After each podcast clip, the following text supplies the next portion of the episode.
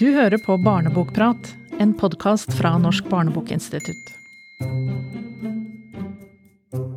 Vi er tilbake igjen for å snakke mer om hva som gjør oss rørt. I den forrige episoden startet vi praten på bakgrunn av seminaret Rørt, som du var ansvarlig for, Helene, og som tok utgangspunkt i forskningsprosjektet Barnelitterære dannelsesprosesser her ved Norsk barnebokinstitutt. Og det prosjektet det inkluderer både skrivekunstnere og akademiske forskere som ser nærmere på forestillinger om hva barnelitteratur skal være og gjøre. Og I dag skal vi snakke litt mer om forfattere og skrivekunst og rørthet. Men først er det et uttrykk som jeg er ganske nysgjerrig på, og det er kamamuta. Kan du si litt om det? Jeg hadde arbeidet en stund med rørthet da jeg oppdaget eh, begrepet kamamuta. Eh, og for det viste seg nemlig at også psykologer og antropologer forsker på rørthet. Og det er ikke mange, men det er ett miljø ved UCLA og så er det ett ved Universitetet i Oslo, faktisk. Og disse forskerne de bruker ikke termen rørt eller moved eller touched, men de har altså laget, de har utmyntet uh, ordet kama muta som et vitenskapelig begrep for å da uh, benevne akkurat denne følelsen her. Og bare lite grann, siden jeg er lingvist. kamamuta kama muta er altså en nydannelse, men det er sanskrit. Vi gjenkjenner ordet, eller delen kama fra kamasutra, ikke sant? Mm. Eh, og det betyr kjærlighet. Og kamamuta, det betyr også rørt eller beveget av eh, kjærlighet. Og det har de, eh, disse forskerne bruker det fordi det er da et, et begrep, det vitenskapelige begrepet for, for rørthet. Fordi man går inn og ser hva rørthet og rørt heter på forskjellige språk, så er det, det er litt forskjellig, og det er litt forskjellig hva man legger i det. Mm. Så de definerer da kamamuta eh, som denne følelsen. Eh, og de fysiske utslagene, vi kan jo ta det også, for det, mm. dette er jo psykologer, så de, jo, de, de ser jo også på på de uh, utfallene. Det er ikke noe som vi som holder på med litteratur er så opptatt av, men man kan bli trang i bryst og hals. Man kan kjenne en varme i bryst og mage. Man kan få tårer eller bli fuktig i øynene. Man kan få frysninger eller gåsehud eller sommerfugler, uro i magen. Og uh, dette syns jeg var litt gøy å lese om. Ofte så legger man en hånd på brystet. Og ofte så kommer man med et sånn utbrudd av typen ååå. Og den hånden på brystet, når jeg først leste om det, så har jeg lagt merke til at det gjør vi veldig ofte. Og det gjør jeg også. Nemlig, men er, er, dette altså en universell følelse? Altså, følelsen er universell. Ja. Eh, følelsen er universell, Men hva som trigger følelsen, altså hva vi reagerer på, det varierer jo fra kultur til uh, kultur. Og jeg tror et av eksemplene som uh, Alan Fisk heter, han som har skrevet uh, en bok om Kamamuta, som jeg har lest, Eh, jeg tror hans eksempel er at hvis du er buddhist, så reagerer du sterkere på eh, fortellinger om Buddha. Du kan bli rørt av det enn vi antagelig blir hvis vi leser tilsvarende historier. Og jeg tenkte jo det at eh, vi, hvis vi er i utlandet, vi som har vokst opp i, i Norge, så vil jeg tro at tanken på, eller bildet av en fjord det vil jo gjøre oss mer rørt antagelig enn eh, en mange andre som ikke blir like rørt av bare et bilde av en fjord. Så, så, dette gir jo veldig mening. Det er en mm. universell følelse, men akkurat hva som trigger følelsen, det, det varierer. Ja. Men uh, hva slags uh, forhold har du til um, egen lettrørthet? Du, I forrige episode så var du inne på at du var ganske lettrørt selv. Jeg tror jeg deler eh, det med veldig mange, hvis jeg sier at jeg skammer meg litt eh, over å være så lettrørt. Mm. Det er litt pinlig å begynne å gråte av eh, alt mulig. Og særlig fordi jeg tror at rørthet ofte oppleves som veldig personlig. Mm. Hva, hvorfor, hvorfor, begynner jeg å gråte når jeg hører denne sangen her? Og så er det to bekker med uh, maskara som renner nedover kinnene når man sitter i, ved, i et middagsselskap, eller det, Jeg syns det er litt uh, Det kan være litt pinlig. Men uh, vi, vi, snakket jo om Steven Pinker i forrige episode, altså en verdenskjent psykolog som mener at det er det er muligens mindre Altså det er mindre vold og brutalitet i verden, og kanskje har det å gjøre med at vi blir eksponert for mer kamamuta. Og det disse amerikanske og norske Kamamuta-forskerne eh, sier, det er jo at det, det kan virke som det evolusjonært så er det at vi har en uh, følelse av rørthet, altså alle mennesker er utstyrt med kamamuta på en eller annen uh, Eller en, en, evne til å føle kamamuta, ja. at det er fordi det er viktig å knytte kontakter mellom, uh, mellom mennesker, rett og slett. Og at det styrker båndene mellom mennesker, Styrke fellesskapsfølelsen. Mm. Så derfor trenger vi en evne til å bli rørt. Men opplever du at det er mer tillatt i dag å skrive rørende? Altså øh, åpne opp for de følelsene og våge å Jeg er jo ikke litteraturviter, men det vil jo variere fra en litterær epoke til en annen hva som er lov til å skrive, og hva som er moderne å skrive. Og det er jo sånn at når vi leser sagaene, de eh, eller de norske kongesagaene, så, så, legger de jo ikke akkurat veldig mye vekt på følelser. Da Nei. bruker de vel det virkemidlet som Lene Ask, eh, som vi snakket om i forrige episode, det negative rommet. Altså mm. ved å ikke si noe, eh, så, så, kan vi bli rørt. Men det har jo vært mye sentimentalitet opp gjennom eh, litteraturhistorien. Ja, dette fører oss over til et eh, møte du hadde eh, med to eh, forfattere under dette seminaret, som eh, tør å snakke om hva som rører og berører. Og de du snakker med, er Ingvild Risøy og Hilde Hagerup. Og Ingvild Risøy skriver jo både for barn og voksne, men er nå ute med sin første roman, 'Stargate', som har fått overveldende og strålende mottagelser, og nesten må være spesialskrevet eh, for det seminaret vi hadde her tidligere. Og flere av anmelderne sier at de har blitt veldig rørt og har eh, grått sine modige tårer. Og eh, Hilde Hagerup er forfatter og professor i skrivekunst her på instituttet, og hun har også skrevet for både barn og voksne. Og i høst så er hun aktuell med en kritikerrost og rørende biografi om sin far Klaus Hagerup. Eksempelet mitt på berørt er hennes farmor, eh, som skrev den dikt om bakeren. Jeg har det med. Ja, ja. Det er jo en tragedie. Det er ikke rørende, liksom. Men eh, som alle barn som leser det, blir jo bare kjempelei seg. Men det er berørende. Er ikke det både rørende og berørende? Uh, har du, har du, du får forsvare det på vegne av familien. altså, det er begge deler. kan, kan, du lese ja, det? Ja. ja. Nå tror jeg veldig mange av oss kan det sånn mer eller mindre, men vi vil gjerne ha en repetisjon. Ja. Skal jeg røpe for forsamlingen her at Ingvild Risøy er litt forkjølet? Det høres ut som en gråtkvalt hele tiden. Og vi lurte litt på om det bare skulle være en effekt, men kan, hun, er, hun, er, litt forkjølet. Ja, det bor en gammel baker på en bitte liten øy. Han er så lei av kake med krem og syltetøy, men han må sitte likevel og spise sine kaker selv, for han er helt alene på en bitte liten øy. Når små og store, dette er det verste. Når små og store båter går dampende forbi, da sitter han og gråter i sitt varmebakeri. Og spiser loff og fattigmann, for ingen kunder går i land. Og han er helt alene på en bitte liten øy. Det var en gammel baker på en bitte liten øy. Han åt for mange kaker med krem og syltetøy.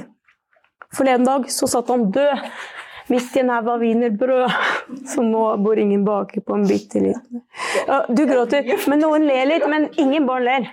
Og det er jo barn som er målgruppa hennes. Mm.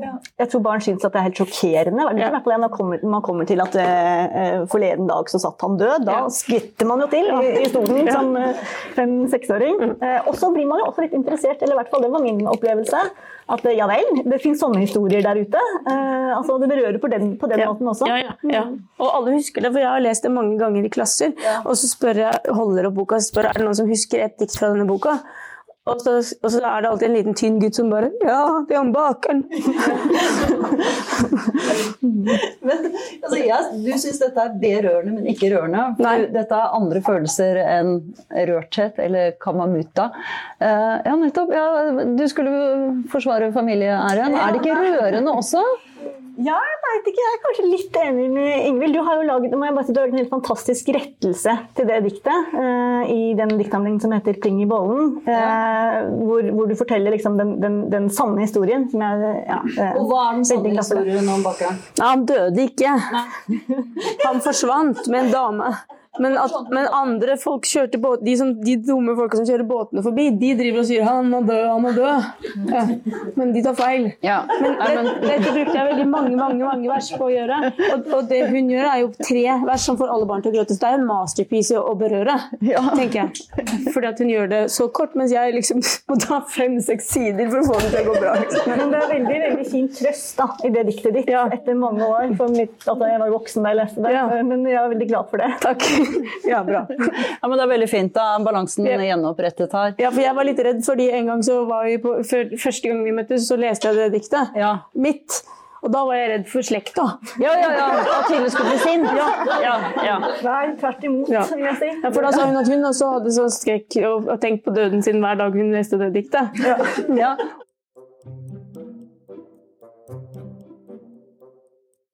Da hørte vi Ingvild eh, som, eh, og Hilde Hagerup som eh, snakket om Det bor en gammel baker fra Rørt-seminaret. Og nå, Hilde, så sitter jo vi her og skal snakke om litterære virkemidler. Ja. Ja. Um, er det sånn at når du skriver, så ønsker du at dine tekster skal røre leseren? Tenker du noen gang på det? Ja, det er klart jeg vil jo det. Jeg vil jo både røre og berøre. Men jeg vet ikke om jeg er så bevisst dette med virkemidler i selve arbeidsprosessen. Da tror jeg egentlig at jeg er aller mest opptatt av å fortelle en historie som, Ja. ja, som, som berører, da. Ja, og det skjønner jeg jo kjempegodt. Men er det sånn at, hvis jeg skal pirke borti det, da, er det sånn at når du kommer til et punkt i den historien du forteller, og hvor du ser at mm, her har jeg en mulighet for å få leseren eller seeren eller lytteren til å gråte, er du fristet av det? Hender det at du, du, du ser sånne punkter, og her kan jeg gjøre noe, her kan jeg presse litt mer, og så blir det noe? Du vil ikke innrømme Jeg, det? ja, jeg veit ikke. har du det sånn? Jeg, jeg, jeg, har hatt det sånn av og til, ja, Ja. det har jeg. Mm, Men jeg er jo helt enig med deg at det er jo historien som må fortelle seg selv. ja. Og det er jo det som hele tiden er det styrende. Og jeg har jo skrevet mange bøker der det overhodet ikke har vært noe poeng å røre Ja. leseren. Altså, Mm. Poenget er å berøre, selvfølgelig, for at det Mm. skal bety noe.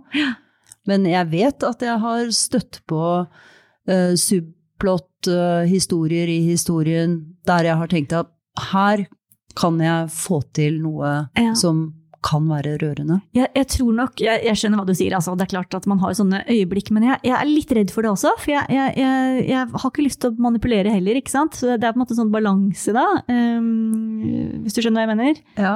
Um, hmm. Jeg skjønner jo at man ikke har lyst til å eh, bli altfor sentimental, ikke sant. Det er jo et minusord. Man har ikke Mm. lyst til å bruke alle paukene og de store ordene og virkelig lage noe sånn Hollywood-klisjéaktig Mm. tåreperse der Mm. leseren avslører hvilke knapper du trykker på. Mm. Det, det, det har vi jo aldri noe lyst til. Mm. Men uh, manipulere, vi, det er jo det vi gjør som forfattere hele tiden, er det ikke det? kanskje det. Ja, kanskje det. Ehm, Du hører på Barnebokprat, en podkast fra Norsk barnebokinstitutt. Vi jobber med barnelitteratur på ulike plattformer innen forskning, undervisning og formidling rettet mot voksne. I denne podkasten diskuterer vi faglige temaer med folk på og utenfor feltet. Følg oss for barnelitterært påfyll. Jeg veit ikke. Jeg, jeg tror nok at når jeg, jeg, jeg tror at jeg prøver å skrive meg altså Ideelt sett, da, og det er sikkert ikke alltid sånn, men at jeg prøver å skrive meg såpass altså hva skal jeg si, så, så nær hovedkarakteren min. Da, at, det, Mm. at, dette, at det forsvinner litt. At jeg på en måte nesten bare følger Det er jo ikke sånn at jeg ikke finner på, det, det er jeg som sitter og finner på. Men at jeg likevel eh, forsøker å følge de, de trinnene som karakteren på en måte naturlig tar innenfor det universet. Ja, sant? og sånn må det være. Det er jeg helt enig i. Ja. Og det er jo hele tiden er det jo tråd med, med hovedkarakteren, eller den karakteren man er inni. Ja. Ja. Mm. Men, men det som jeg tror, da, det er at jeg kan absolutt sånn Altså, jeg kan ha skrevet en tekst, og så tenker jeg at det her er det noe som altså her er det noe som ikke går opp. ikke sant? Jeg leser jo en tekst veldig mange ganger, det vet jeg at du også gjør. Ja, jeg har skrevet, skrevet den, og høyt. Ja. Og da ser jeg ok, her, dette funker ikke helt, altså hvorfor ikke det? Ja. Og det er klart, da kan jeg begynne å vri til ting. Ja. Det, det, har, altså det er klart, det gjør jeg jo hele tiden. Det gjør Ja. man jo. Man sitter og liksom, eksempel hvis en tekst er for intens, har for, altså at, det, at pulsen er for voldsom, at jeg prøver å, å skape en kontrast ved, som man gjør i, i alle kunstarter, da, ved å liksom ha et, et roligere altså, ja, sette ned tempoet, Ja. rett og slett. mm, Sånne ting. Dvele ved en beskrivelse eller et eller annet. Ja. Absolutt.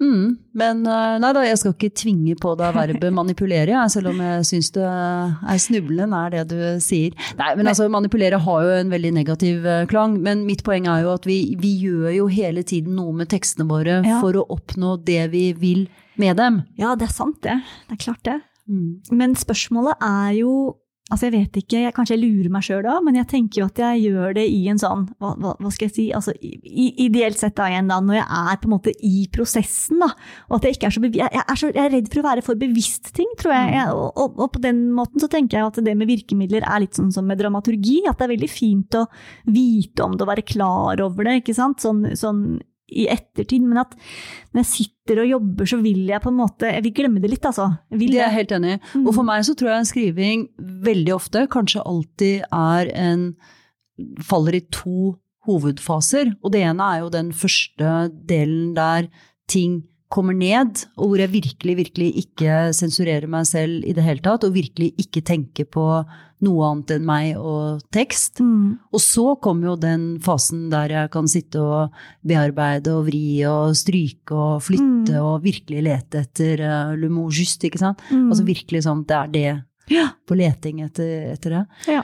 Um, kjenner, altså Ingvild Risøy snakket jo om dette med å ikke bruke de abstrakte ordene. Mm. Kjenner du deg igjen i det? Altså hun, hun snakket om det at hennes eksempel var skam. Ja. Hun, leseren kjenner ingenting, sa hun, Ja. for å parafrasere henne sånn cirka. Eh, hvis jeg skriver ordet skam, Mm. men hvis jeg skriver om jenta som eh, gjemmer eh, den utissete underbuksen nederst i skittentøykurven, Ja. så, så føler vi hennes skam. Mm. Ja, absolutt. Som hovedregel så er det jo sånn. Eh, Mm. det er jo dette eh, eh, Hva heter det for noe? Show, don't tell. Mm. Som, som man også snakker om i filmspråket. det, er? Det, er, det tror jeg er en veldig god grunnregel, i hvert fall. Og så finnes det selvfølgelig alltid unntak, tenker jeg da. Det var Hilde Hagerup som snakket om sin grunnregel i skriving. Nå skal vi få høre et annet klipp fra seminaret. Helene, hvem skal vi lytte til nå? Da skal vi høre Lene Ask, som er forfatter og tegner. Og hun skal lese et utdrag fra boken, og en tegneseriebok, så dette blir jo et forsøk der vi hører eh, bare lyden og ikke ser tegningene.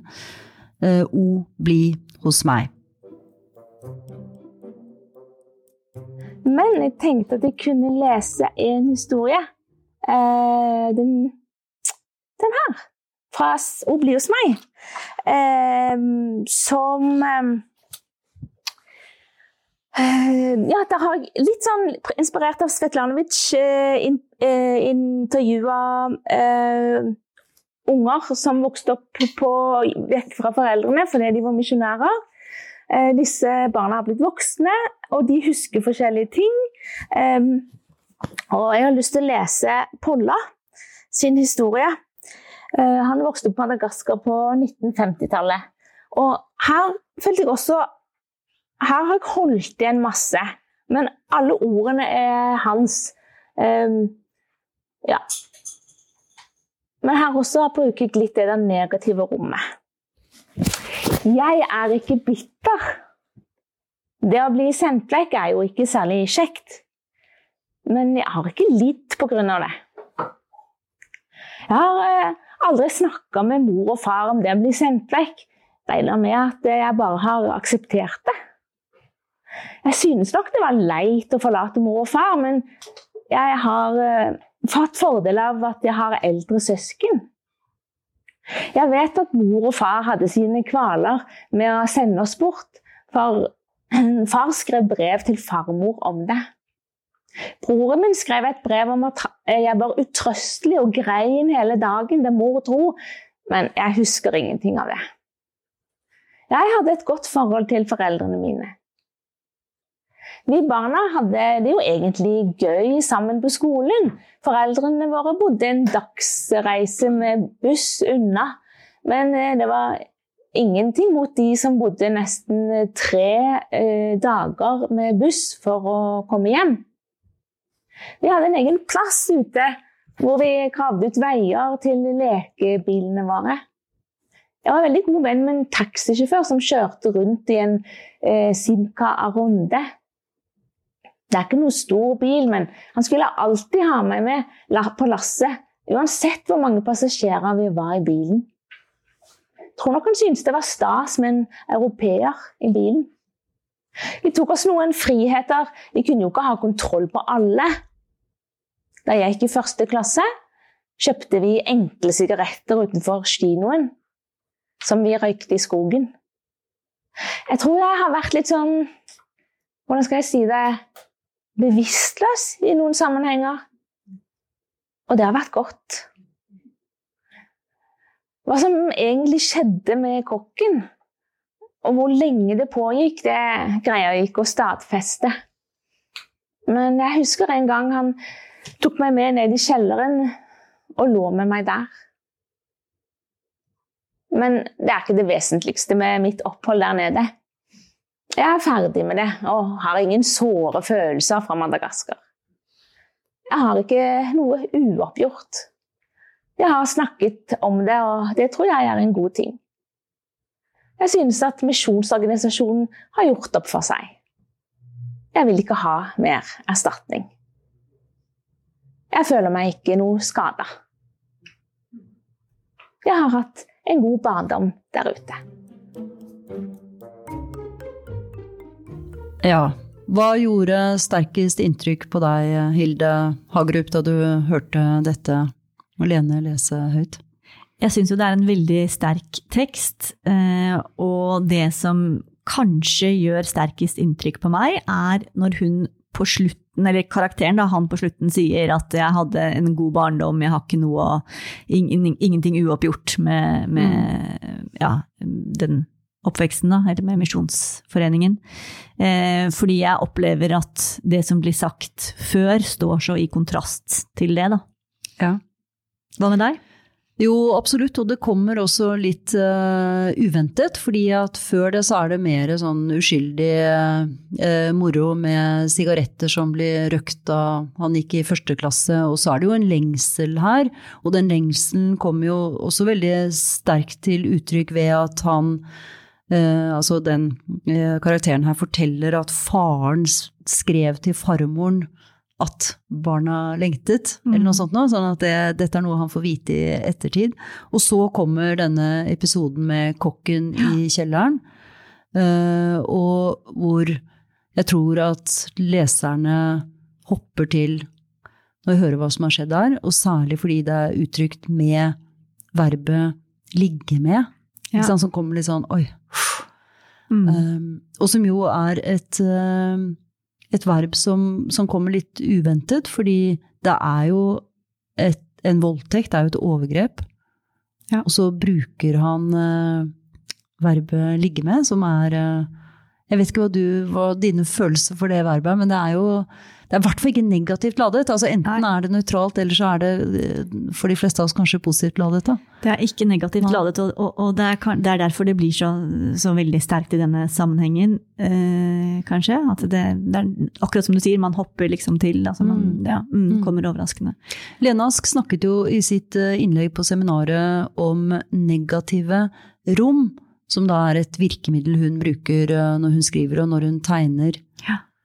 Har du noe forhold til det, det begrepet der? Ja, jeg syns jo at denne teksten eh, er et veldig tydelig eksempel på, på, det Lene snakker om, med det negative rommet. Som jo for meg, jeg ville sagt undertekst, eller kanskje den teksten som ikke, mm. ikke er der. Det usagte i en tekst, da. Ja. Eh, ikke sant? Og at hun, hun jobber veldig sånn tydelig med at det er, det er korte setninger, og hun uh, har på en måte uh, Det er destillert versjoner av disse intervjuene, sånn som jeg oppfatter det. Eh, og det er veldig mye som ikke er sagt, og det er jo i det usagte at eh, mye av historiene altså, ligger da. Tar uh, Lene Ask og, og, andre som bruker dette virkemidlet, det gjør vi jo alle i mer eller mindre grad, mm. tar man da større sjanser? Altså overlater mer til leseren? Ja, fordi leseren kommer jo inn med sine eh, referanser, altså, eh, og, og, leser jo eh, ulike ting inn i, i teksten. Mm. man tar i hvert fall ikke mindre sjanser, men det skal man kanskje ikke heller. Peder Kjøs, som har doktorgrad i psykologi, og som er veldig interessert i og glad i litteratur, hadde også et innlegg på seminaret. Her hører vi han snakke om hva det kommer av at du blir rørt av ulike litterære skikkelser på ulike stadier i livet. Hvordan leste Kjøs Anna Karenina som ung mann, og nå som voksen mann som er fylt 50? Så hvorfor blir 25-åringen meg ikke rørt likevel? Og der tenker jeg man kommer liksom til um, For teksten er jo på en måte det den er, men hva med leseren, da? Er det noe gærent med leseren her? Og det tenker jeg det var, da. For Anna Karenna hun ble jo tilkalt for å megle i denne eh, Oblonskij-situasjonen.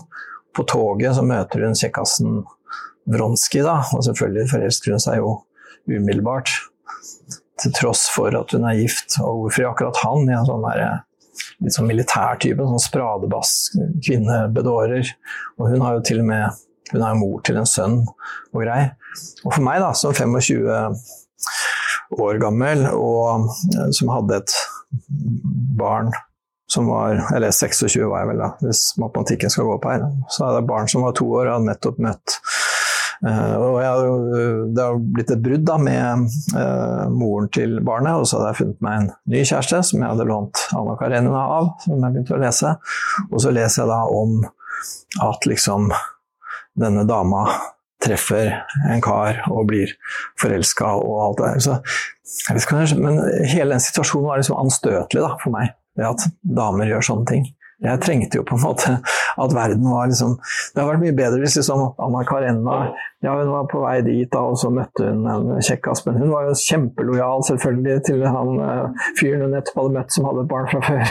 Det, det, hadde vært bedre for meg å lese. Det hadde vært mer bekreftende, liksom. da. Så jeg føler at grunnen, jeg tenker vel egentlig at grunnen til at den ikke rørte meg den gangen, var at det berørte verdier som sto på spill for meg. Ja. Jeg ville ha en oversiktlig, ryddig verden hvor folk oppførte seg ordentlig. Og hvor det ikke var for mye tvil, for mye risiko. Jeg ville at folk skulle være hel ved. Liksom. Det er altså, det er altså liksom, du har sett en annen, og plutselig så ser du mannen din i et annet lys, og det du ser er ørene som holder hattebremmen oppe. Liksom, for meg så var det sånn at nå, da, som drøyt 50-åring, så kan jeg liksom det kunne jo godt vært meg, det kunne godt vært kona mi som så på ørene mine etter at hun har møtt en kjekkas på toget, liksom. Men nå så har jeg på en måte Jeg vet ikke, nå kan jeg på en måte forstå det, da. Og jeg, og jeg tenker at ja, ok da, Anne, Anna Karenina, jeg likte ikke deg for 27 år siden fordi du var så egoistisk og dum og lett forført. Men nå da, så tenker jeg men herregud, da. Hun ser jo gubben sin med nye øyne, og hun skjønner hva hun ser, og hun skjønner hvor umulig dette her ekteskapet er.